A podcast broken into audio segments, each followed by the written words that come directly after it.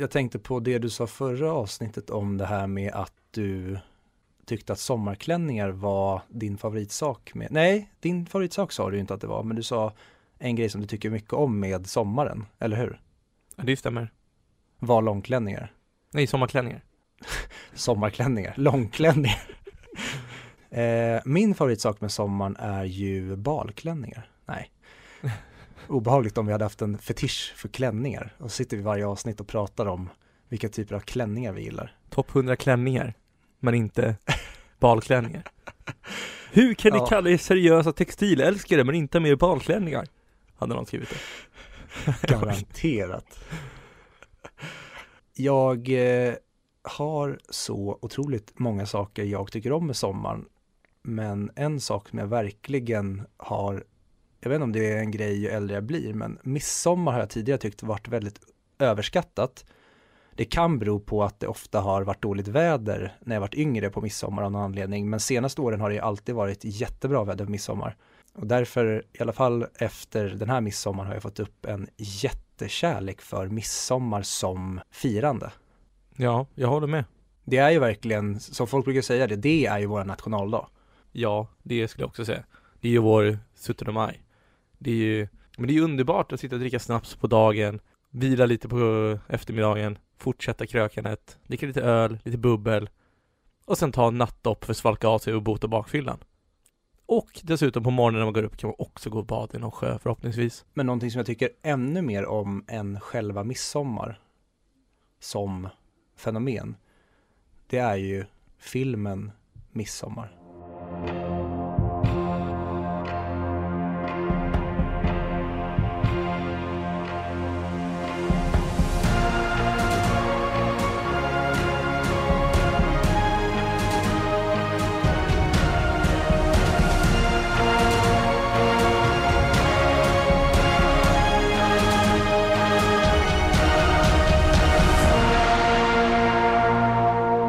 Då är vi här nu.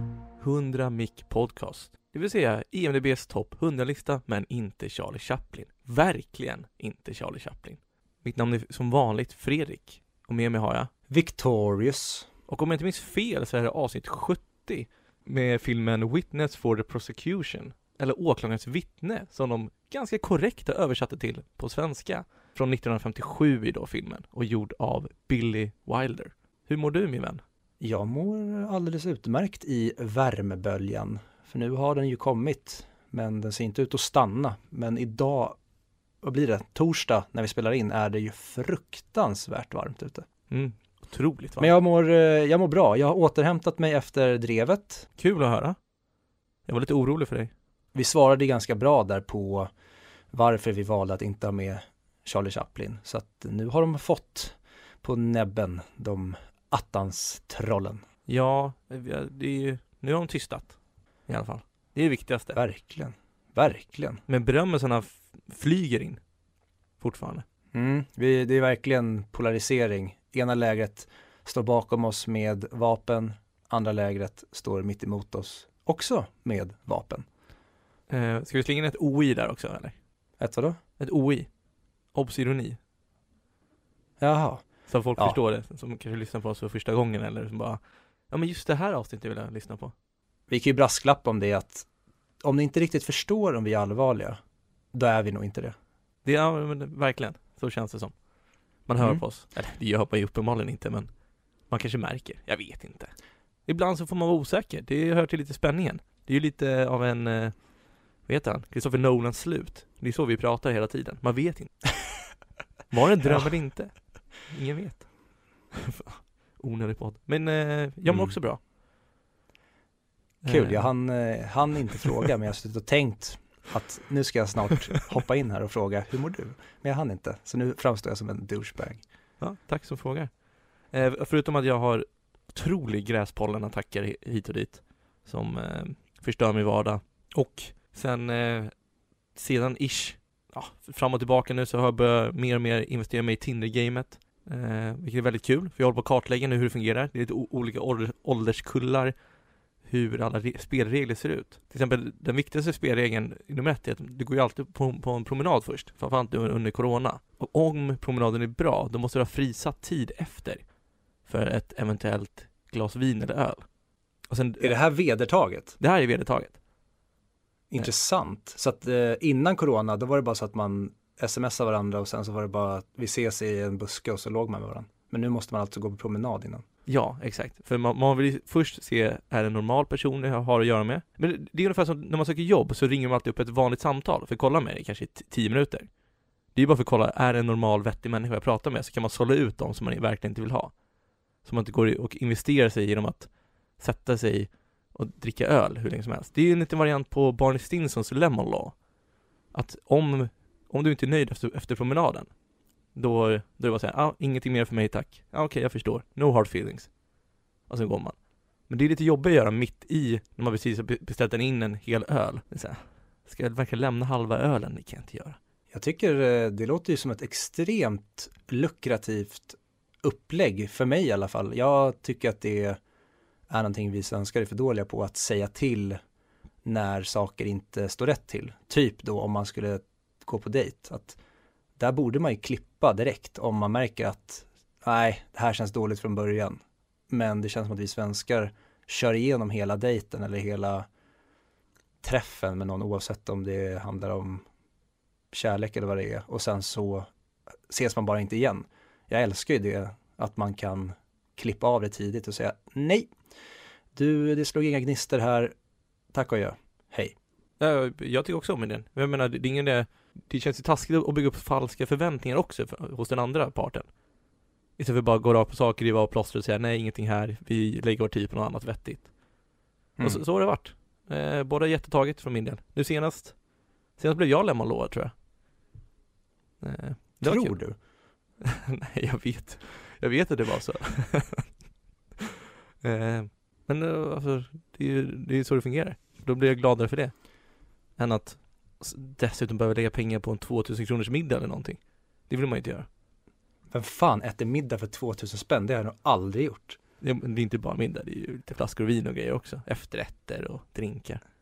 Men det är en grej om, eh, om Tinder. Jag, eh, jag både gillar det och ogillar det, men jag känner mig så gubbig eftersom jag har ju aldrig, Tinder har ju varit med ett tag nu, men jag har inte dejtat sen Tinder kom in i bilden, utan när jag blev tillsammans med min tjej, då fanns inte Tinder än. Så gammal är jag. Så gammal är vi. Ja, jävlar ja. ja men jag Gud vad lökigt att benämna ett par som vi. Så att man, man pratar som att det är en person, men namnet är bara vi. jag, jag hade en kompis som gjorde det i en chattråd för någon dag sedan. Det var någon som frågade, är det någon som ska dricka öl i Tanto eller vad de nu skrev i den här gruppen? Eh, Vilket också känns väldigt södrigt att skriva så. Men eh, då, då svarade han, vi kan inte. Istället för att bara säga jag och tjejens namn inte kan.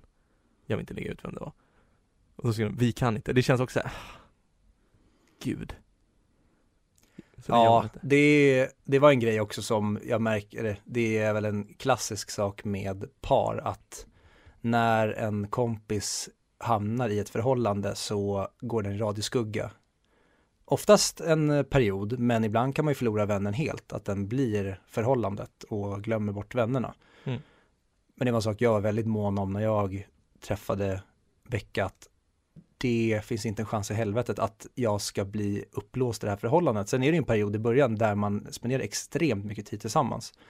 Men jag har ju också märkt att hade jag inte haft så hårt, eller hade jag inte så hårt ansträngt mig att hitta tillbaka till polarna, att inte tappa kontakten ens för, om det kan vara månad eller två, så hade man nog haft mycket färre polare kvar idag. För det märker jag många andra kompisar som har skaffat tjejer att de förlorar ju liksom halva sin kontaktlista om inte mer när de ingår i förhållandet. Ja men det är tråkigt, det gäller att hitta en bra balans där. Precis. Som, alltså, nu låter det som att vi är jättenegativa och så gnälla på saker och ting och vi är de här gamla som håller på. Men majoriteten ha, hittar ju en balans skulle jag säga. Men sen är det ju Mhm. många udda fåren och det, det är de man kan peka ut. Det är därför det är lätt att klaga och benämna de fallen. Mm. Ja, du är, du är snäll mot eh, paren, för jag skulle kanske säga att det är mer än hälften enligt mina beräkningar, men jag har inte heller gjort någon direkt studie på det här, utan jag går ju bara på magkänsla, men det verkar vara the name of the game these days, så att jag kör vidare på min magkänsla. Ja, du har kommit så här långt i alla fall med den. Ja, På tal om magkänsla. Du är ganska bra på att gissa. Eller, jag är ju bättre med mina tio poängare. Men eh, vi kanske kan testa om du kan roffa åt dig något. Vad, vad var ditt rekord? Fyra poäng? På vem, vem kan det vara? Eh, jag tror inte jag har fått mer än två. Nej. Jo men sex poäng. Men nog om mig. nog om dig, det där saknar jag. Nej men jag har förberett den nu. Och jag har faktiskt gjort den lite lättare den här gången. Ja, vad heter det, vem kan det vara? Retard version. Typ. Vem, vem kan det vara för barn? Ja, det, vi... Eh, vem kan det vara Forrest Gump? Kan det heta. Ja. Vem kan det vara FG? Bra, okej. Hur som haver. Är du beredd? För vem Ja. kan det vara? 10 poäng i Vem kan det vara? Fyra av hennes filmer har vi nämnt i den här podden. Fyra av hennes filmer har vi nämnt i den här podden. Hon är brittisk och född 1975. Hon har sex stycken Academy Awards nomination och en vinst. Man kan nästan tro att hon och Jude Law har varit syskon. Eller? Jag drar. Nej, det har den då. Det var för lätt. Nej, vänta. Ah, ah, vad, nej, aj. Nu har jag dragit så nu måste jag gissa, men jag blev precis osäker. Jag tror inte att den här människan är britt nu bara därför. Okej, kör. Men jag gissar på, Okej. Åtta poäng i Vem kan det vara? Hon ska vara med i den andra Pocahontas-remaken. Och hon hatar ju inte orange frukt. Hon har tillsammans med regissören Sam Mendes, men de skilde sig 2011. Vilket många påstår var en inspiration till filmen 1917. Och det sista är att det var en inspiration i lögn. Jag tycker bara att det var lite ironiskt om det hade varit så.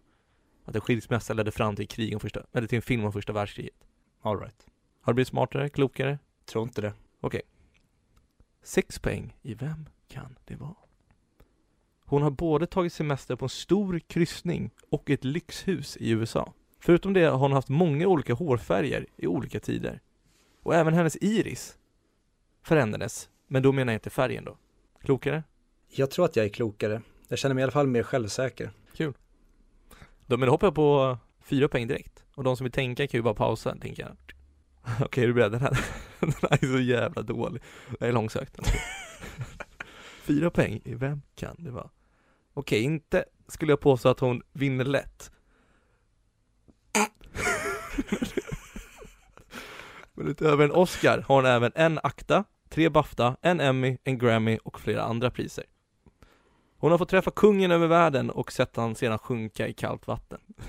Ja, jag står kvar vid mitt svar. Jag gillar vad vin vinner lätt. och, och Kent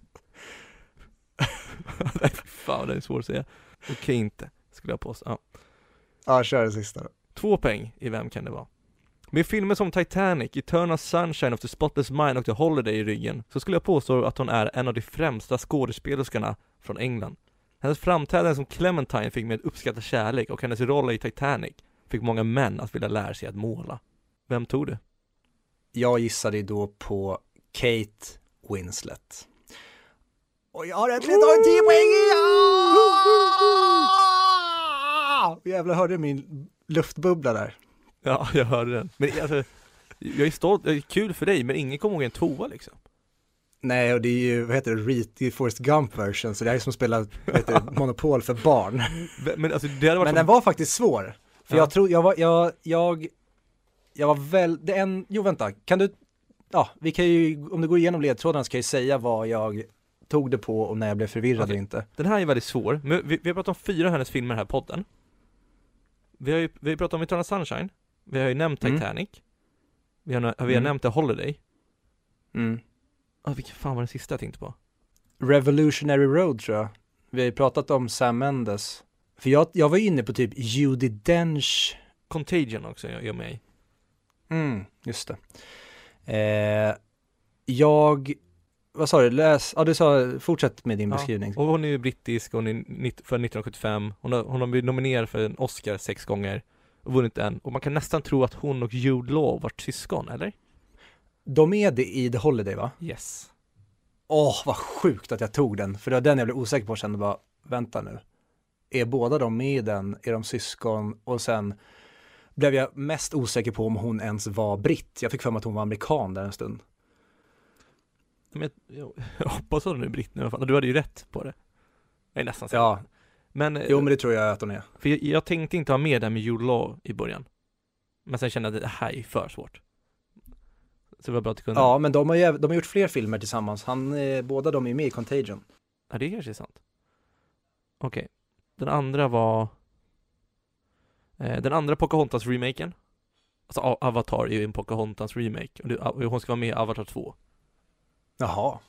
tydligen eh, Och hon hatar inte orange frukt, Clementine Där sa du något annat första gången va? Du sa någonting om frukt där bara va? Ja, hon hatar inte frukt Nej, och det sjuka är att jag, där tänkte jag på Äpple, Apple, Steve Jobs-filmen där hon spelar, kommer inte ihåg vad hon heter, men Steve Jobs eh, sekreterare. Eh, men sen när du tog om den så la du till orange och då blev jag förvirrad som fan. Jag sa, vänta, nej, var det inte Apple? Fuck, vad är det nu? Men ja, sen när, ju längre vi kom så var det just det, orange frukt, clementine.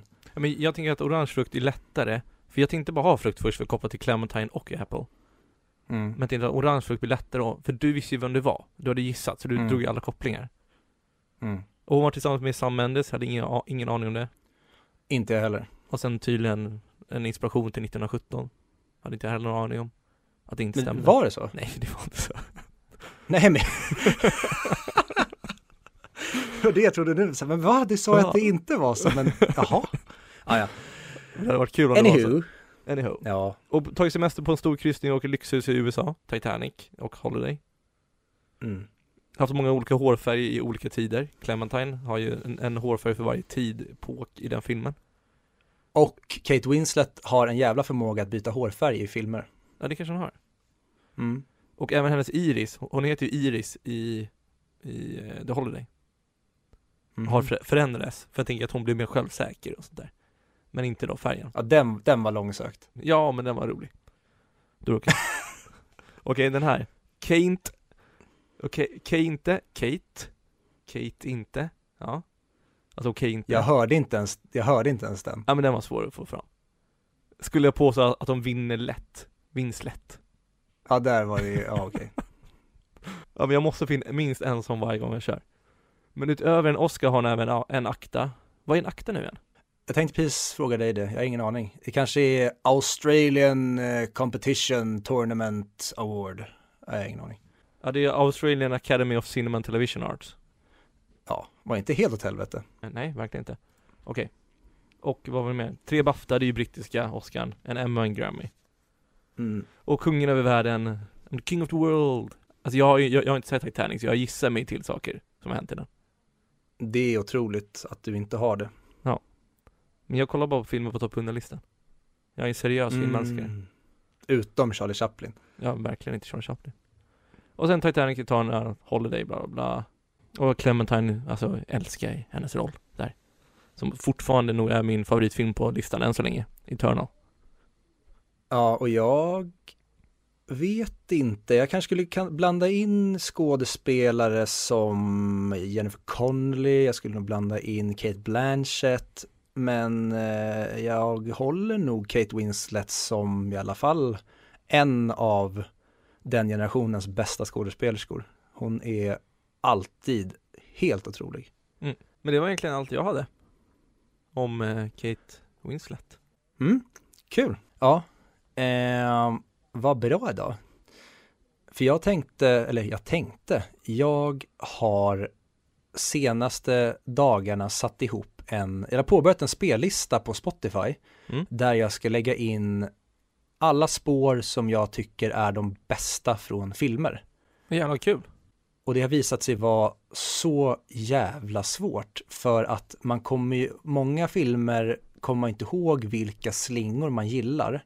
Sen när du kommer på typ en film som har bra musik, då ska du sen komma på vilken musik det är i filmen man gillar och sen ska du sen ta reda på vad det spåret heter.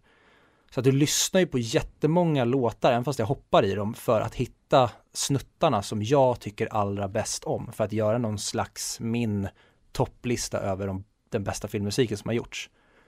Men har du någon så här uh, typ kategori av låtar eller kör du, kan det vara en mer så här hetsig, alltså jagarlåt och, och så kan det vara en lugnare låt?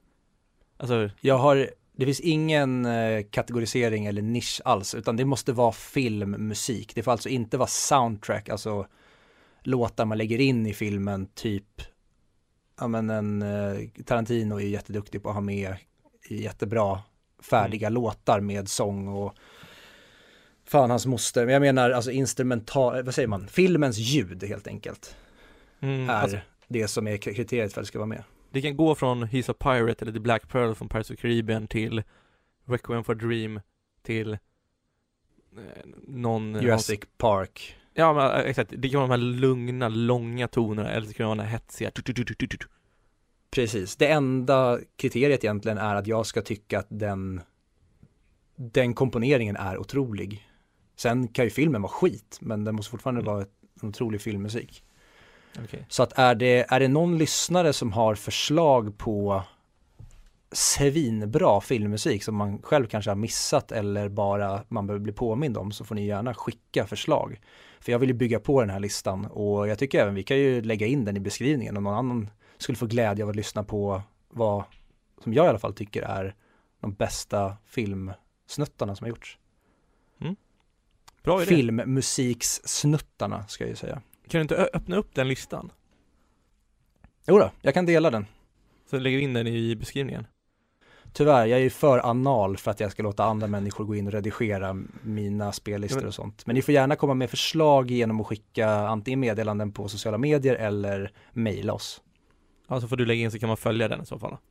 Ja, men precis. Och där ser ni också, där får vi ju en slags connection i om era eran filmmusiksmak kvalificerar sig in på min extremt skitnödiga lista. Nej, den är verkligen inte skitnödig. Den, det är väldigt mycket populärkulturella snuttar med där, typ eh, Transformers-temat. Oh, har jag stoppat in. Bra. Mm, det är faktiskt väldigt, väldigt bra. Sen eh, Leftovers-temat, självklart med. Bra. Mycket Thomas Newman har jag upptäckt att eh, det är många, många låtar eller många filmer som han har komponerat musiken till som jag inte alls visste att det var han. Det är han som har gjort musiken till 1917, alltså han som har stulit från Howard Shore och från John Williams mm. i deras musik. Men han har, han har gjort musiken till typ i, Hitta Nemo vet jag, Inside Out, jag tror Upp har han gjort till.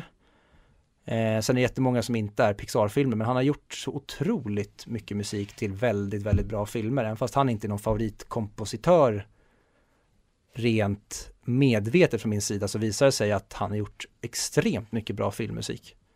Okej. Okay. Ja, men det är kul. Mm? Jag ska gå in och följa den direkt. Jag, jag har också en lista som är med filmmusik, men då är det mest eh, det är mest taggande musik. Som jag hade när jag mm. typ gick till eh, till skolan eller innan jag skulle in och skriva en tenta. Så kunde man ha den. Eller när man, när man går genom snö och vädret så känner man sig som en riktig krigare när man hör de här stråkarna i bakgrunden som trycker dig i ryggen och för med dig mot din destination. Du vill ha typ uh, The Dreams Collapsing av Hans Zimmer i Inception. Typ. Den är lite för deppig för mig. Jag vill ha mer Hearts of Courage. Mhm, vet inte vad det är. Jag kan spela upp den. Jag spelar upp den för dig och sen så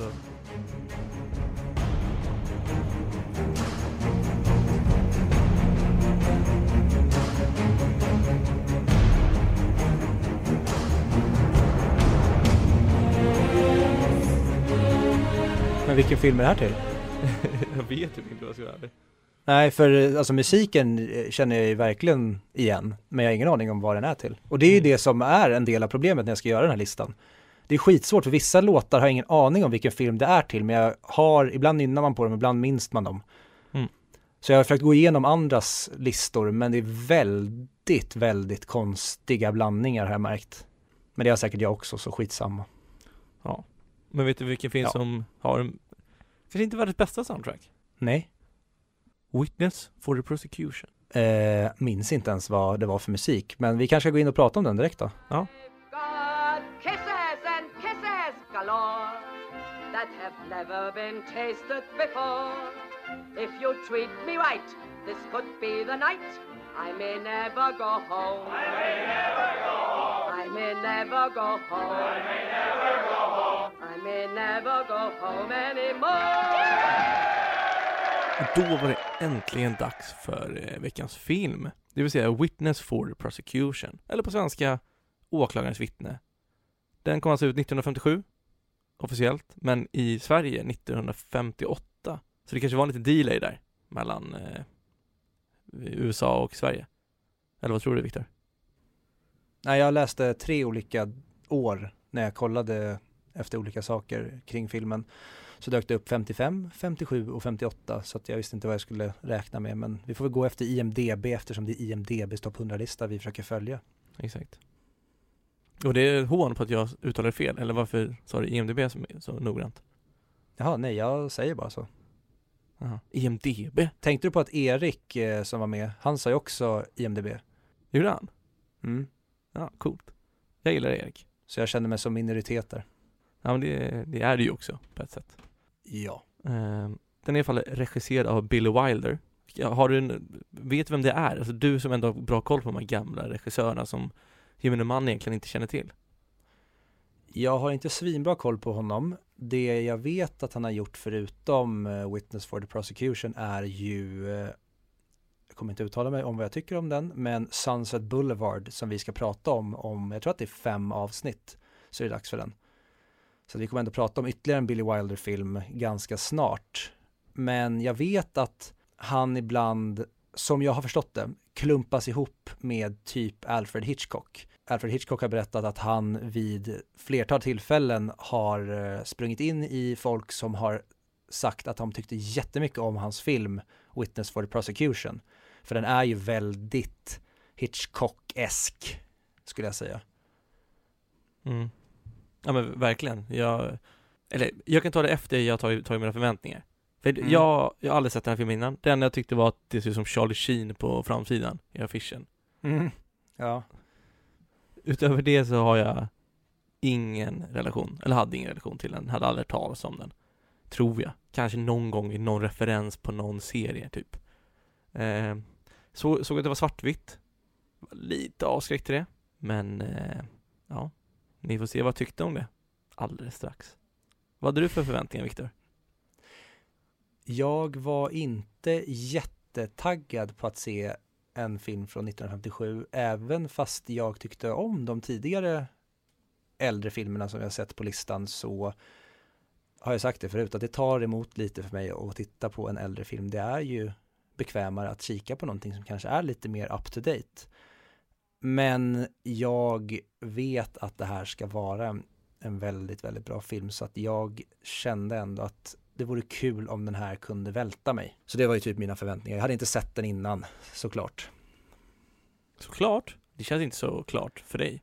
Nej, jag menar att baserat på vad jag precis sa innan för Jaha. mening. Att jag eh, visste inte någonting egentligen om den förutom att den fanns med på IMDBs topp 100-lista. Eh, vill du gå igenom lite snabbt också vad den handlar om? Mm. Den handlar ju då om en, eh, en barrister eller en advokat då, hur man nu ska översätta det till svenska. Sir Wilfrid som eh, återvänder till sitt vardagsjobb som advokat i eh, en lugn takt ska det vara efter att han har fått en hjärtattack. Och han har då en eh, väldigt klängig eh, sjuksyster, eller vad kallar man det?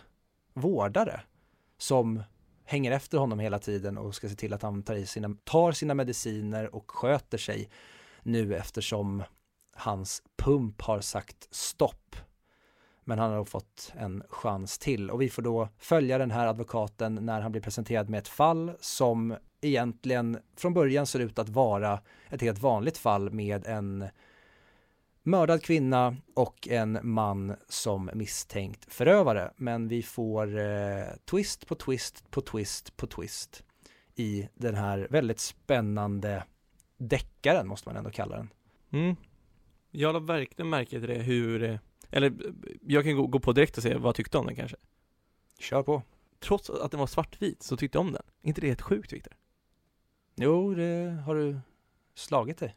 Var, var det, genuint fråga, eh, var det, tror du att det är för att jag har växt i min smak eller var filmen bara så pass bra Så att den inte började spela på om det var färg eller svartvit eller vilka effekter den hade. Jag vill ju att det ska vara att du har eh, ändrat ditt perspektiv under våran podcasts gång.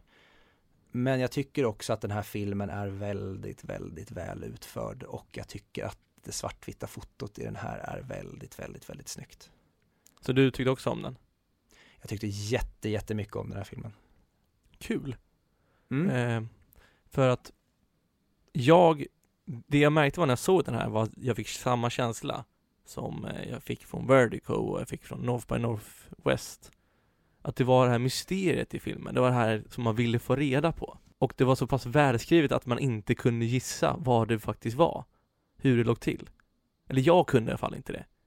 Och jag skulle ändå anse mig själv som ganska bra på att gissa fram sluten om man verkligen sitter och försöker tänka, ah, men det här är typisk film. Det, ah, det, är, det är klart det är så här. Det tycker jag var väldigt fascinerande.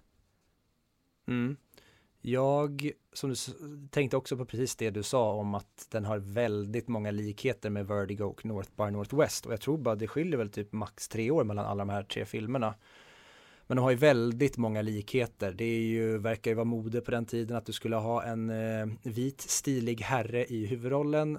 Eh, om vi borträknar räknar bort Wilfrid utan vi tar eh, Tyrone Powers eh, karaktär Leonard Vole för övrigt episkt jävla karaktärsnamn. Mm. Men om vi tar eh, Leonard Vole då så är det ju precis som i Vertigo och North by Northwest vita, charmiga, snygga herrar som är huvudpersonerna och de blir sen i sin tur svindlade och eh, vad i alla fall tycks bli lurade av eh, vackra blonda kvinnor. Mm. Så där tycker jag man väldigt mycket likheter och att det kommer twist på twist på twist. Vi vet aldrig riktigt vem som är in charge. Utan ena sekunden känns det som att huvudkaraktären inte cyklar, nästa sekund känns det som att han har en stor plan som ingen annan vet om. Och det är som du säger, helt omöjligt för mig att gissa hur det här skulle landa. För det svänger verkligen som Bajen. Och det stör jag mig på väldigt mycket. Och jag måste bara säga, kollar du också på den versionen där de i slutet, i, i eftertexterna, säger de Please do not tell the ending of uh, witness for the prosecution to any of your friends that has not seen it or eller någonting sånt där. Ja, och jag älskar det. Ja, det, det, jag tycker också det. Och tydligen var det så att folk som gick på bio när den kom ut, de fick, de fick skriva på en lapp att de svor på att aldrig berätta slutet till någon. Och eh, även Mm. skådespelarna och, skådespelers och, och skådespelerskorna som var med i filmen fick inte reda på sluten för den dagen de filmade slutet. Älskar sånt. Ja. Ja men med det sagt så, vi kommer ju bryta mot den. Och det är liksom, det, det är underförstått när man lyssnar på en podcast som handlar om en film, att man kommer bli spoilad. Men det här filmen tycker jag faktiskt är värd att se innan ni lyssnar på avsnittet. Låter som att ingen film tidigare varit det. Äntligen, avsnitt 31, så är det första filmen jag faktiskt tycker att ni borde se innan ni lyssnar på avsnittet. avsnitt 70, efter avsnitt, ja okej, du räknar andra hållet. Men eh, ja, och det, det känns som jag har sagt så, så exakt de orden så många gånger, men den här filmen är faktiskt värd att se. Ja, men den här filmen är verkligen, även om du, många kanske inte gillar äldre filmer, den här filmen kommer få dig att älska gamla filmer om du inte nu redan gör det. Ja men det är det, alltså tar man det från mig som är väldigt kritisk till filmer som inte åldrats så bra tycker jag. Ta det från mig, kolla på den. Jag fastnade, jag var hooked. Och den är lagom lång. Den är under två timmar, den är 1,50 tror jag. 1.56 har jag för mig att den, det, när eftertexterna, eller när efterrösten är klar, har jag för mig att det var. Men en annan sak som jag tyckte var intressant, det är ju en grej som, det gör man ju inte idag, oftast. Men idag, eller i den här, på den här tiden, så körde de ju eftertexterna innan. Så att de räknar upp hela casten och crewet innan filmen börjar. Det är, jag är väldigt neutral till det. Men om vi kanske ska dyka rakt in i eh, filmens stjärna, nämligen eh, Charles Laftons karaktär Sir Wilfrid. Bra namn ändå. Att du är den karn som du är, eller kanske var på grund av att han blev döpt till Lafton, eller att han hette det som han blev. En väldigt, väldigt likable och rolig person för att Sir Wilfrid skulle potentiellt kunna bli en av mina ka- favoritkaraktärer någonsin. Jag tycker att han Oj. är helt otrolig i sin roll. Varför det? Dels hur bara han ser ut. dels hur han ser ut i kombination med vad han råkat ut för innan filmen, att han återhämtar sig från en hjärtattack. Men även att den här karaktären är som ett litet barn, att han lu försöker lura framförallt eh, Miss Plimsoll att han inte röker cigarr eller dricker sig och håller på och krökar utan han, han försöker lura alla i sin omgivning att han sköter sig nu efter hjärtattacken men han egentligen är precis gam, samma gamla Sir Wilfrid. Att han är precis samma Sir Wilfrid som innan hjärtattacken. Och sen att han är så otrevlig men han är otrevlig på ett så fyndigt och roligt sätt hela tiden innan han blir mer vänlig och likable ju längre han får alltså när han sen får komma tillbaka till sitt rätta element och blir advokaten igen. Men han är tillbaka i början och all, alla hans kommentarer är briljant utförda. Humorn i den här är spot on, men det kan också bero på att det är en brittisk film och britterna är ju bäst i världen när det kommer till humor. Ja men jag håller med. Jag tycker även att eh, Leonard Wohl, karaktären, är otroligt charmig. Ja, verkligen. Alltså han som är på rättegång. När man får se han i hans olika stories eh, och när man får se alla flashbacks. Vilket jag tycker är kul, för ta bara flashbacken när när hans, eh, hans fru, mm, Christine Helm, eller Christine Vole eller vad hon, hon nu går under. Mm. Eh, när man ser flashbacken när han är, är, i Tyskland och är med i andra världskriget och hon står där och, och spelar dragspel. Mm. Alltså bara den scenen kostar typ 90 000 dollar. Och det är bara en liten flashback. Jag gillar ändå när de, när de bekostar på sådana. Och det känns inte som att man gjorde det på den här tiden.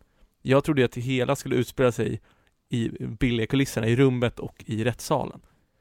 Men sen så fick de ändå in några sådana här flashbacks. Det var då man fick följa han, Leonard Wall. Som ändå framstod som en väldigt fattig, glad karaktär. Han hade ingen jobb, han, hade inga pengar. Men han hade sin charm. Lite som eh, eh, alltså pappan i Catch Me If You Can efter han åkte dit för skattfusk och grejer. Mm, en solovårare helt enkelt. Ja, precis. Men eh, ja, jag gillar också jättemycket Leonard Vole Även fast jag tycker att han är den sämst spelade karaktären i filmen skulle jag säga. För att ibland, även fast jag gillar det när han är i rättssalen där och hela tiden håller på och skriker ut saker i panik. Men där kan det bli ibland för mig att han blir lite överspelad. Även fast det inte är till den graden att jag tycker att det blir dåligt. Men jag tycker att de andra spelar sina roller med mycket bättre pricksäkerhet. Mm, kanske. Eh, jag gillar ändå de utspelen, för då, det för jag fick den här desperatkänslan av dem. Sen så, jag vet inte, alltså hela inspelningen ser ju annorlunda ut så jag har svårt att, jag tänkte inte på något överspel eller inte för det känns som att sättet de pratar på allting och, och för sig i de här filmerna är ju så pass annorlunda för det här var ändå 70 år sedan. Mm. Jag tycker ju att det kanske inte är lika dåligt nu när jag vet resultatet i efterhand. Att han spelar ju faktiskt sådär överdriven för att han är ju tydligen det här geniet visar sig i slutet att han har ju haft sin stora masterplan. Väldigt, väldigt hög risk men han visste precis vad han skulle få av Sir Wilfrid. Ja, innan vi går in på exakt vad som händer i slutet. Så det jag tänkte på, för jag saknar sådana här mysterium i filmerna. Det senaste egentligen populära och framgångsrika filmen, den moderna varianten, det skulle jag säga är Gone Girl. Mm. Där det verkligen är det här, oh, vem gjorde det, vad hände? För ta andra filmer som Inception eller eh, Shutter Island kanske. Det är, mm. det är klart det är mysterium, men det är inte samma sak. Det är inte samma här, alltså, vad kallar man det? No Noir-film eller crime-film? Mm, jag vet inte riktigt vad man kategoriserar det här om. Det är kanske, som du säger, det kanske, noir vet jag inte. För noir tror jag måste ha många andra typer av komponenter. Typ utspela sig lite mer i mörkret i mörka gränder och sånt. Jag, vet, jag kan okay. inte exakt vad som innefattar, men jag vet inte, deckare borde det här gå under va? För det är ju ändå ett klassiskt mysterium, även fast den utspelar sig majoriteten av tiden i en rättssal. Ja, jo. Men det borde vi inte kunna ta bort att det är en deckare. Nej. Men eh, på tal om det när du nämnde Gone Girl, jag tänkte på det när jag såg den här och jag har även tänkt på det när jag såg eh, North by Northwest och Vertigo, att jag saknar de här kvinnokaraktärerna. Det känns inte som att de gör så här längre. Eller framförallt väldigt mycket mer sällan. Rosamund Pikes karaktär i Gone Girl, hon är precis så som de här andra blonda kvinnorna är i de andra tre filmerna från 50-talet som vi har sett. Att de använder kvinnans vapen. Hon är slug. Hon lurar hanen, den brunstiga, kåta, kanske lite ytliga hanen att gå på hennes trolleritrick med sin kvinnliga magi. Och det saknar jag verkligen i filmer idag när kvinnor ska på något sätt genom att vara starka kvinnokaraktärer, vilket jag tycker att både alla de kvinnorna i de här tre 50-talsfilmerna men även Gone Girl, de är extremt starka kvinnokaraktärer. Men idag känns det som att många regissörer fått för sig att starka kvinnokaraktärer det är dryga översittare som på något sätt ska spela en karikatyr av en machoman fast det ska vara en kvinna. Det är som att de har missuppfattat hela poängen med hur en stark kvinna är. Ja, det här är ett farligt träsk att röra sig i, men eh... Ja, det är väldigt minerad mark, men det har ju fortfarande, om du tar typ en sån som eh, Brie Larsons karaktär eh, Captain Marvel, som nu har jag bara sett henne i Avengers, men där är hon bara en jävligt dryg ocharmig översittare. Vi kan ta andra exempel som Charlies Änglar gjorde de ju en ny reboot på igen här. Och jag har bara sett snuttar från den och trailers. Men där är samma sak. Alla är bara otrevliga varan mot varandra och Charlies Angels, det ska ju ändå handla om tre starka kvinnor som kan spöa vems är som helst. Men de verkar missuppfattat att en stark kvinna är inte en jävla otrevlig, dryg översittare, utan en stark kvinna är en likable, charmig person, men som hela tiden står med kniven bakom ryggen och är redo att hugga dig när du släpper ner garden. Och det saknar jag som fan och det är därför jag tycker om Gone Girl så otroligt mycket, för att där får vi se en otroligt stark och briljant porträtterad kvinnokaraktär. Men det här, alltså så som jag om jag ska tolka dig, om vi tar aliens, då hade de mm. ju, jag kommer inte ihåg vad, jag kommer inte ihåg vad hon militären hette. Vasquez. Ja, sådana karaktärer, det är det du menar är att när de ska försöka härma Rambo. Exakt. En stor maskulin dude, medan du föredrar mer Ripley, som är en, alltså, hjältinna i den filmen som axlar rollen och tar på allt ansvar och löser alla problem. Exakt, det är en annan typ av väldigt stark kvinnokaraktär som du säger, en väldigt bra jämförelse med Vasquez och Ripley. Det är ju att Ripley är, hon vill inte vara hjälten, hon vill inte stå där och ta plats och vara dryg och klappa folk på huvudet. Hon är likable, hon är en människa, hon är omtänksam, hon bryr sig om folk. Men när ögonblicket kräver att hon ska steppa upp och ta ansvar och bli hjältinnan, då blir hon det om vi pratar om kanske Rosamund Pikes karaktär i Gone Girl, de här femtalskvinnorna, det är ju mer skurkkaraktärer, men de är starka kvinnoskurkskaraktärer. I många fall så tror man att för att göra en stark kvinnokaraktär så ska man efterlikna starka manliga karaktärer. Ja, eller man, man tror att det är så starka manliga karaktärer är, men starka manliga karaktärer är ju karaktärer som vi tycker mycket om, även om de kanske är onda eller goda, det kvittar. Du måste fortfarande göra en relaterbar och charmig karaktär. Du kan inte ha en karaktär som bara är otrevlig mot folk och trycker ner folk för att på något sätt växa och få makt. Det är, då har man fått det helt om bakfoten det jag ville komma fram till var att många tror att de, att de måste härma manliga karaktärer. Eller ungefär som eh, ta Ghostbusters, när man måste härma film fast byta ut till tjejer. När man istället, istället för efterlikna så ska man skapa eget, tror jag på. Precis. Sen, sen alltså som Bridesmaid, genialisk film. Det är det ja. jag kommer på. Sen, alltså, jag gillade Oceans 8, men den blir ju sämre för den är, är redan gjord. Hade de gjort en ny variant på det så hade jag gillat det mer. Men den filmen tyckte jag fortfarande var bra. Men, eh, alltså, men ett bra exempel på en karaktär som utvecklas, det är hon i The Boys. Alltså serien om superhjältarna. När hon börjar som den här unga naiva tjejen och de använder henne som, som, som en sexsymbol. Men sen får nog sakta men säkert och bara säger nej men fuck you, jag kommer inte göra det som ni säger. Nu lyssnar ni på mig. Men samtidigt så behåller hon ju fortfarande den här ödmjukheten och den här snällheten, godheten, hur man ska beskriva till. Hon blir aldrig den här dryga mot andra. Men hon visar ändå att nej, ingen kör över mig. Precis, hon är fortfarande samma likable karaktär som i början och det tycker jag också är bra i The Boys att hon tillfälligt så tappar hon ju bort sig själv och blir får den här lilla hybrisen eller trampar snett och, Mm. och tror att det är det det handlar om. Men sen så hittar hon tillbaka till sig själv och så är det bara samma goda fina karaktär. Men nu har hon vuxit och vågar ta plats och säga ifrån istället. Alltså, jag, jag vill ju, för tyvärr är det ju lite så, alltså till och från att, alltså, nu, vi blir de här två vita grabbarna som sitter och gissar och pratar om olika saker. Så är du en tjej som lyssnar på podden, så du får jättegärna vara med, skriv till oss. Vi vill diskutera det här, från olika perspektiv. Men du behöver inte vara en tjej för att diskutera det. Det jag tycker är problemet. Att du behöver inte bara, alltså du behöver inte kategorisera in dig.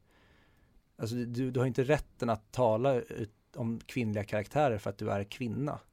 Nej men det är en annan syn. Det är det väl, men jag tycker inte det är liksom relevant. Man kan väl göra den analysen. Det är väl samma sak om man är läkare så är det väl lättare att diskutera läkkonsten.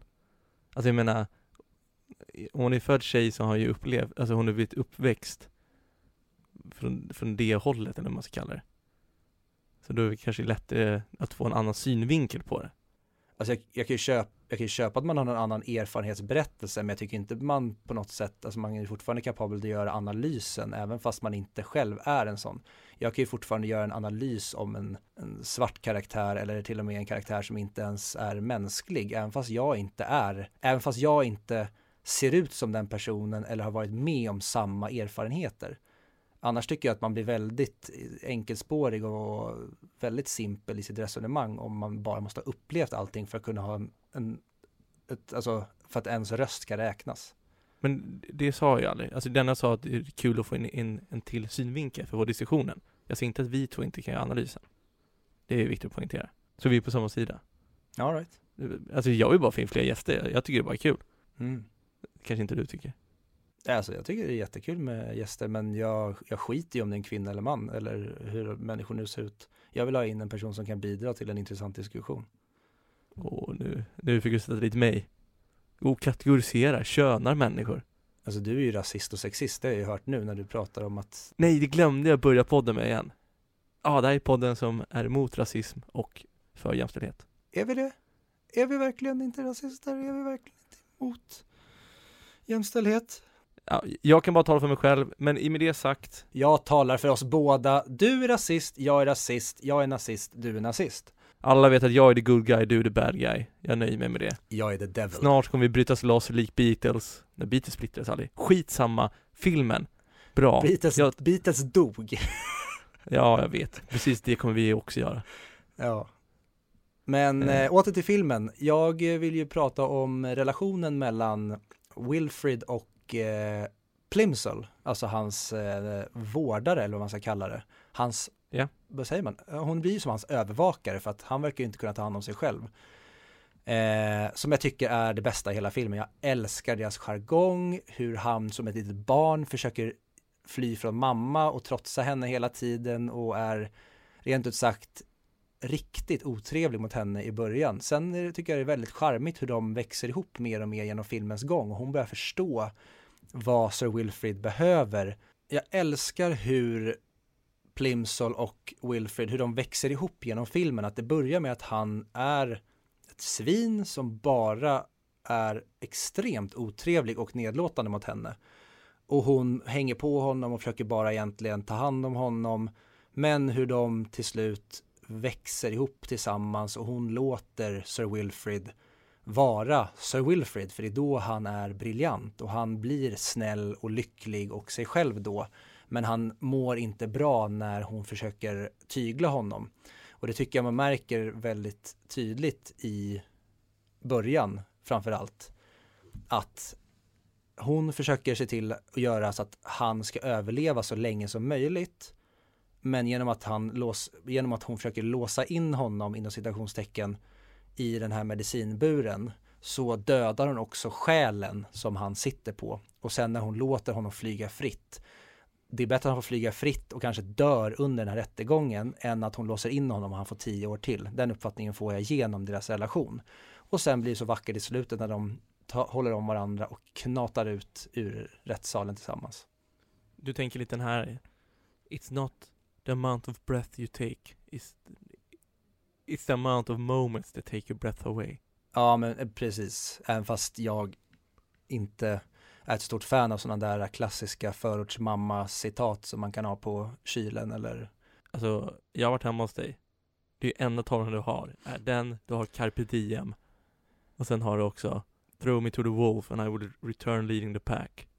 Den har du, den, den har du innan när man går in på toaletten hos dig. När man kommer ut så, så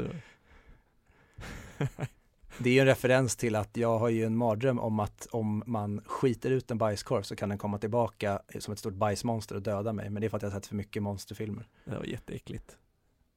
Verkligen. Nämn det aldrig igen tack. Ja men, eh, carpe diem, hashtag. Men, eh, nej, jag tycker det är så jävla bra och det som jag tror gör att de har en så otroligt bra relation, det är ju att Elsa Lanchester och eh, Charles eh, Laughton, de var ju gifta på riktigt. Har de det? Så det tror jag gör jättemycket till deras kemi. Ja, verkligen. Men, för det, det är ju lite som du säger. Han börjar sån här, jag var ju lite trött på honom i början redan. När han var den här griniga, dryga gubben. Tänkte han kommer inte orka med alls.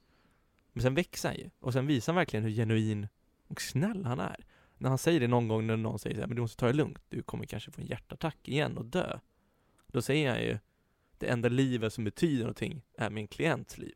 Och i slutet, när han bara, nu, nu har jag en ny klient, nu ska jag hjälpa henne. Han bryr sig egentligen om att hjälpa människorna. Ja, det är en jättefin människa som är i början missförstådd eller han är olycklig för att han har varit med om någonting som har sänkt honom. Och nu kommer han behöva leva på ett sätt som gör honom egentligen förbannad och vrång. Och sen så får man se den riktiga Wilfred ju längre filmen går. Och det tycker jag de gör briljant tillsammans med, och det kanske är kanske inte det bästa i filmen, men jargongen i rättssalen, att Billy Wilder lyckas hålla det här på ett sätt som gör att man ändå tror att det här är på riktigt för att man håller det väldigt allvarligt. Men de har den här brittiska jargongen mot varandra. Den här wittinessen som jag tycker att de gör i perfektion. Ja, jag håller med. Jag, jag har en kritik till filmen sen, så jag tänkte komma till alldeles strax. Som jag, som, eller som jag hade Mm. velat ändra på snarare, för att göra den bättre. Men kör den nu, det är lika bra att vi bara kör, kör på. Ja men jag vill ta upp en annan grej. Jag tycker otroligt synd om, eh, vad heter hon, Kristin? Mm. Kristin Helm. Hon offrar otroligt mycket för att hjälpa honom och han är världens svin och går iväg med en annan brud efter allt det där. Ja men eh, I saved your life in Germany and now you saved mine. So I guess we're even. Så jävla hjärtlös han visar sig vara. Ja. Och nu hoppar vi till slutet, men slutet för mig är ett av de bästa sluten jag har sett. Utom utförandet av mordet. Mm. Det är min kritik jag vill komma till. Att jag, alltså jag hade inte velat att han var ett sånt stort svin. Men det är också för att jag gillar ju är lite lyckligare. Jag hade velat att de två var i maskopi och att, Mm. och att de två sen flydde iväg tillsammans och Wilfred kände så här. Fan, ni lurade mig. Fair enough. Bra jobbat. Så, så slutade det lyckligt med att de var tillsammans. Inte att han faktiskt hade träffat den här brunetten och sa fuck you till hon tyska som hade offrat så otroligt mycket. Förstå vad hennes skor och vara där. Liksom. Men gör inte det att du känner ännu mer? Alltså, jo. Jag får ju sån otrolig respekt men också ett sånt hat mot eh, Leonard Vole. Varför får du res- respekt? Ja men hur, vad är det han har utfört i den här filmen? Han är ju ett geni. Jo men re- respekten blir inte mindre om han hade gått med henne, med, med hans riktiga fru. Jo, för mig blir den det för att jag gillar, jag, alltså jag, jag respekterar, okej, det är dubbeleggat svärd här, men jag har en sån, även fast det är många människor som jag inte håller med om, som kanske gör hemska saker, så får jag en otrolig respekt för dem för att de kan göra de här sakerna för att jag själv inte är kapabel till det. Ta typ, alltså i den här situationen som Leonard Vole är i, jag hade aldrig kunnat göra det han gör, men jag har sån otrolig respekt för honom för att han kan kliva över det här och vara ett sånt jävla svin. Medan hade han varit mer en good guy, då hade jag kanske tyckt att så här, ja men det är en nice, härlig karaktär här. Men respekten för honom är inte i närheten av lika stor. Respekt kanske är fel ord, men det kanske är mer, Men du, alltså du, du är beundrad.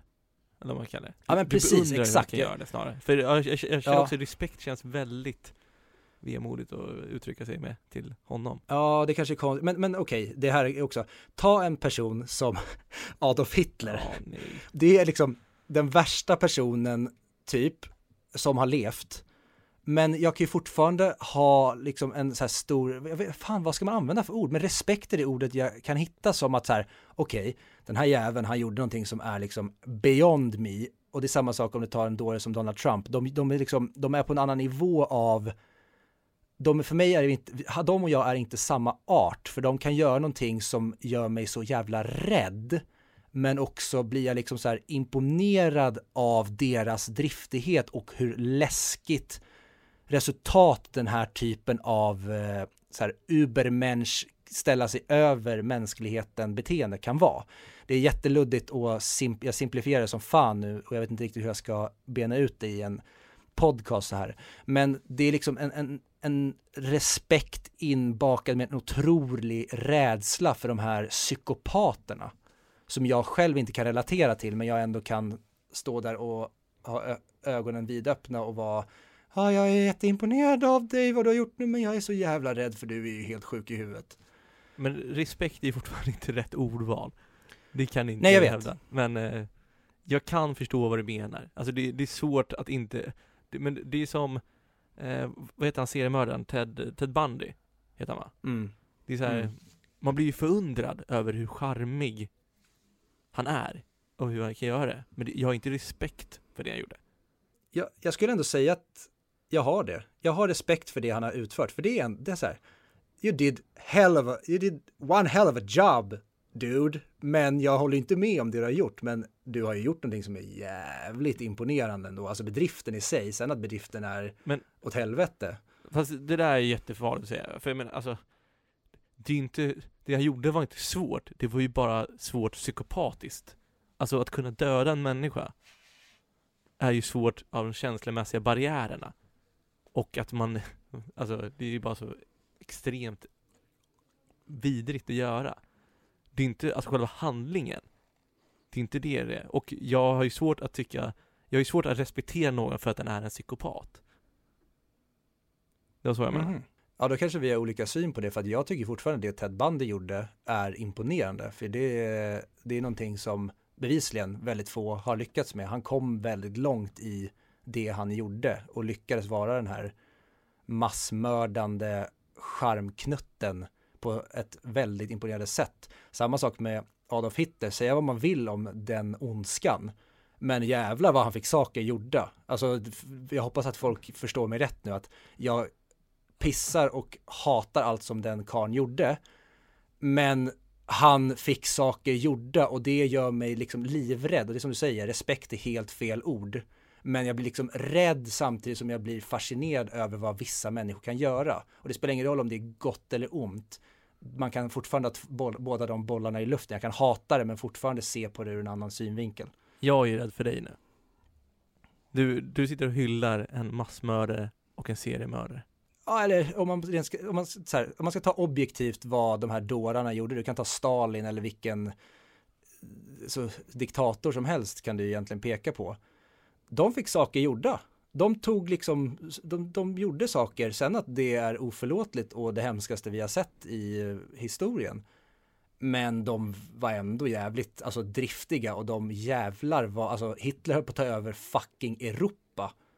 Det finns väl typ ingenting i modern tid som kan ens jämföras med det. Vi har ju haft alltså, kungar i Sverige som tog över Europa back in the day. Napoleon liksom en annan erövrare som man kan jämföra med. Men jag står inte, jag håller inte med eller liksom så här, fan vad bra gjort, fan vad ni var duktiga. Men jag kan ju fortfarande se bedriften de har åstadkommit i deras mål. Även om jag tycker att målet är åt helvete. Ja, mycket sidospår nu. Nu, eh, Verkligen. Eh, Men äh, åter till, eh, till filmen. Jag, eh, ja, som jag ska säga, respekt är nog fel ord för Leonard eh, Vole. Men jag tycker, jag blir ju liksom jag blir, jag blir imponerad av den här typen av eh, psykopati som han ändå visar sig stå för. Att han spelar det här spelet genom filmen och vi står med brallorna neddragna i slutet och även eh, Wilfrid och hela gänget där är bara så här You play the shit out of us. ja. Ja men det, ja, exakt, jag, jag är lite irriterad på att inte listade ut det i slutet för jag trodde att det var hon som hade mördat honom hela tiden. Jag med. Men tydligen var det inte hon som hade mördat honom, utan det var han. Det var så hela tiden. Men hon var med på det. Det var deras plan. Jävligt bra plan. Jag har fan respekt för det. Väldigt. Jag, jag började bli besviken där när det var så här, ja det fanns en person som hette Max Ja. och hon hade lejt honom till att mörda den här kvinnan trodde jag för att de, de hade en plan att sätta dit Lennart. Det var så här, nej men vad fan, ja vad tråkigt det blev och sen var det bara pang! Ja. Du är dum i huvudet, du är så jävla korkad, filmen är så jävla mycket smartare än vad du är, här fick du. Ja. Men jag tänker, ska vi runda av och gå över till betygen kanske? Jag tycker absolut vi pratar betyg, det låter jättebra. Eh, nej, innan vi går in på betyg. Ja. En grej som verkligen summerar hur snygg den här filmen är i sitt utförande, det är när eh, Sir Wilfrid gömmer breven under boken i rättssalen och håller upp, eh, vad är det han håller upp för papper egentligen? Eh, kvittot från shortsen han skulle få från, från sjukhuset eller vad det var. Just det, åh, det är också så briljant hur de bakar in shortsen i det här. Och sen är det just kvittot för shortsen som han håller upp och han lurar brallorna av henne genom att så här, här har vi ett brev från dig. Hon bara, jag skriver inte ens på sådana där papper, jag skriver på den här typen av papper, mina initialer. Så bara, Men boom, det, här har de. den, alltså, den tappar ju sin genialitet när hon har fejkat breven. Hade inte de här breven varit fejkade, då hade den varit tusen gånger snyggare. För jag satt också där bara, snyggt, bra jobbat. Men sen, sen i efterhand var det så här att hon ville ju att, att de skulle komma fram. Så hon visste ju att han hade breven. Så hon spelade ju bara med i den. Då lurade han ju ingen. Ja, jag vet. Men det är det därför också en grej som jag tycker att, när, för jag tyckte hon var väldigt överdriven i när hon blev påkommen där. Ja. Hon blir väldigt överdramatisk och överspel. Men det är samma sak där som jag hade problem lite med Lennart att det är ju enligt deras karaktär. De spelar ju det här spelet. De spelar ju brallen av Wilfred. Men där och då så var det så jävla snyggt utförd av honom att och jävlar vad han äger skiten ur henne. Och så visar det sig att det var hon som ägde skiten ur honom. Och sen så var det Lennart som ägde skiten ur dem. Alltså det är hela tiden folk som är smartare än nästa och man, är- man är hela tiden steget bakom och är, tror att man har koll på saker men man har inte det. Mm, jag, jag håller med att det var snyggt där, men för mig blir det lite som att jag gör ett coolt magitrick och sen så får du reda på efter att alla som jag gjorde tricket för var med på tricket. Det tappar liksom sin effekt och det, det känns inte lika så här: wow, han lurar dem, bara nej men just det, det var hon som lurade honom. Så hans sak var inte mäktig. Men jag tycker ändå det funkar, men jag tycker var det, alltså i stunden var det otroligt. Men- Ja, nej, men det, det tycker jag summerar filmen för mig. Och ja, det är väl dags att prata lite betyg kanske. Mm. Och jag kör pang på då. Nej men jag får fan ge den en 9 av 10. 9 av 10. Amen! Och jag slänger kanske på, ja men 95 mick. 90 mick där. På nedre delen av listan, men fortfarande på listan. Och you're preaching to the choir, jag håller med. 9 av 10 för mig, det här är en briljant film på alla sätt. Och jag vet inte riktigt var jag ska placera den på IMDBs topp 100, men den har definitivt hemma där tycker jag. Jag tror inte jag skulle placera den på min topp 100, vilket vi redan har pratat om massa gånger, att jag har fler filmer än 100 som är 10 av 10 eller 9 av 10. Men jag tycker att den hör hemma på en topp 100, men för mig skulle jag placera den på en topp 250. Mm. Men det här är verkligen en briljant eh, twistfilm för den som vill tro att man kan räkna ut plotten men när man sen ska stå där med brallan neddragna.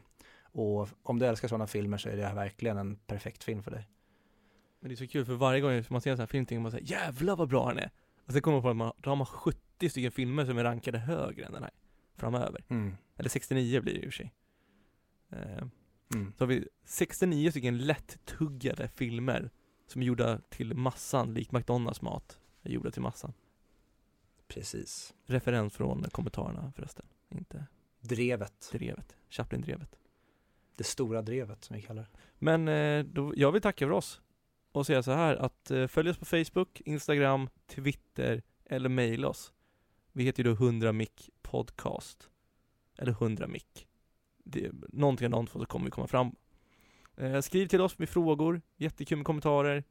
Mindre kul med konstruktiv kritik, framförallt när ni klagar på Chaplin. Så gör inte det längre. Eller gör om ni vill, jag skiter i vilket. Nej, Nej men inte. konstruktiv kritik vill vi ha. Okej, men okonstruktiv Inte kritik. destruktiv. Destruktiv kritik vill, vill, vill vi inte ha. Skriv till oss bara. Vi är bara glada. Vi behöver sällskap. Tänk på corona. Mm. En grej som, eh, jag vet inte om man ska skratta eller gråta åt det. Jag eh, bara pratade med min far häromdagen och då så kom vi in på, så frågade jag typ om, ja men har du hört podden någon gång? Då sa han, ja vadå den där 100 cc? sa, nej pappa, det heter 100 mick. Och det är en filmpodd, det är ingen jävla rallypodcast. Jävla 100 cc, det får mig att tänka på Mario Kart. Så frågade jag honom så här, men har du lyssnat på podden? Då var det dålig täckning, säger han, så att han svarar på den frågan med Har ni varit och badat idag då? och så släppte vi det. Jävlar. Så att det är skönt att höra att eh, mina föräldrar stöttar mig i det här. Min mamma säger att hon lyssnar, jag tror inte att hon gör det. Men eh, min pappa har jag fått kvitto på att han vet ju inte ens vad det här är för någonting. Nej men det är jättebra, alltså, för jag håller på med Tinder hela tiden och då, det, det enda jag försöker få Jag är mer nöjd om de lyssnar på 100 mick än om de vill gå ut med mig då, då känner jag Ja, det är ändå bra. Du sätter vårt kollektiv före ditt, ditt individuella intresse. Jag skriver det och sen när vi väl tar den här promenaden eh, Lemon Law promenaden Då säger det, har du lyssnat? Säger de nej, då säger jag I call Lemon Law och sen går jag därifrån Helt rätt. Ja. Men du, Ja. nästa vecka, då är det dags för sydkoreansk mästerfilm, säger många. Jag har inte sett den här, ska jag säga. Jag har sett den amerikanska remaken sjukt nog. Ja men Ja, det är ju det är ju verkligen, det är som att jag skulle gå in i kyrkan och säga att jag har pissat på Jesus. mm. Man gör inte så. Nej. Men eh, nu är det så, tyvärr. Och, men vi ska se alltså originalet Old Boy från 2003. Och den går bara att hyra på SF Anytime. Jag har varit så jävla taggad på den så länge, det är så många som har skrivit och tipsat om den här filmen och åh, Mm. Så nu ska vi se om en av, i alla fall min bekantskapskrets när jag växte upp, det här var den filmen som många sa var den bästa filmen som har gjorts. Så det ska bli jävligt intressant nästa vecka att snacka och ha sett Old Boy. bra Och med det så tackar jag för dig, jag tackar för mig, jag tackar för 100 mick och så säger vi hej då antar jag Hi hi! Come on, join the party. Have a hearty glass of rum.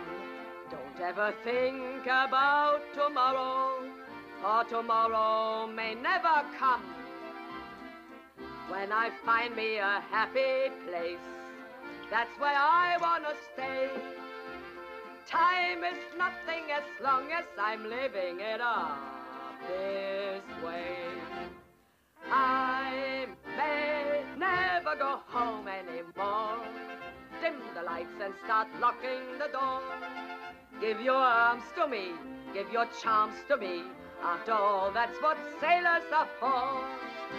I've got kisses and kisses galore that have never been tasted before. If you treat me right, this could be the night. I may never go home. I may never go home. I may never go home. I may never go home. I may never go home anymore.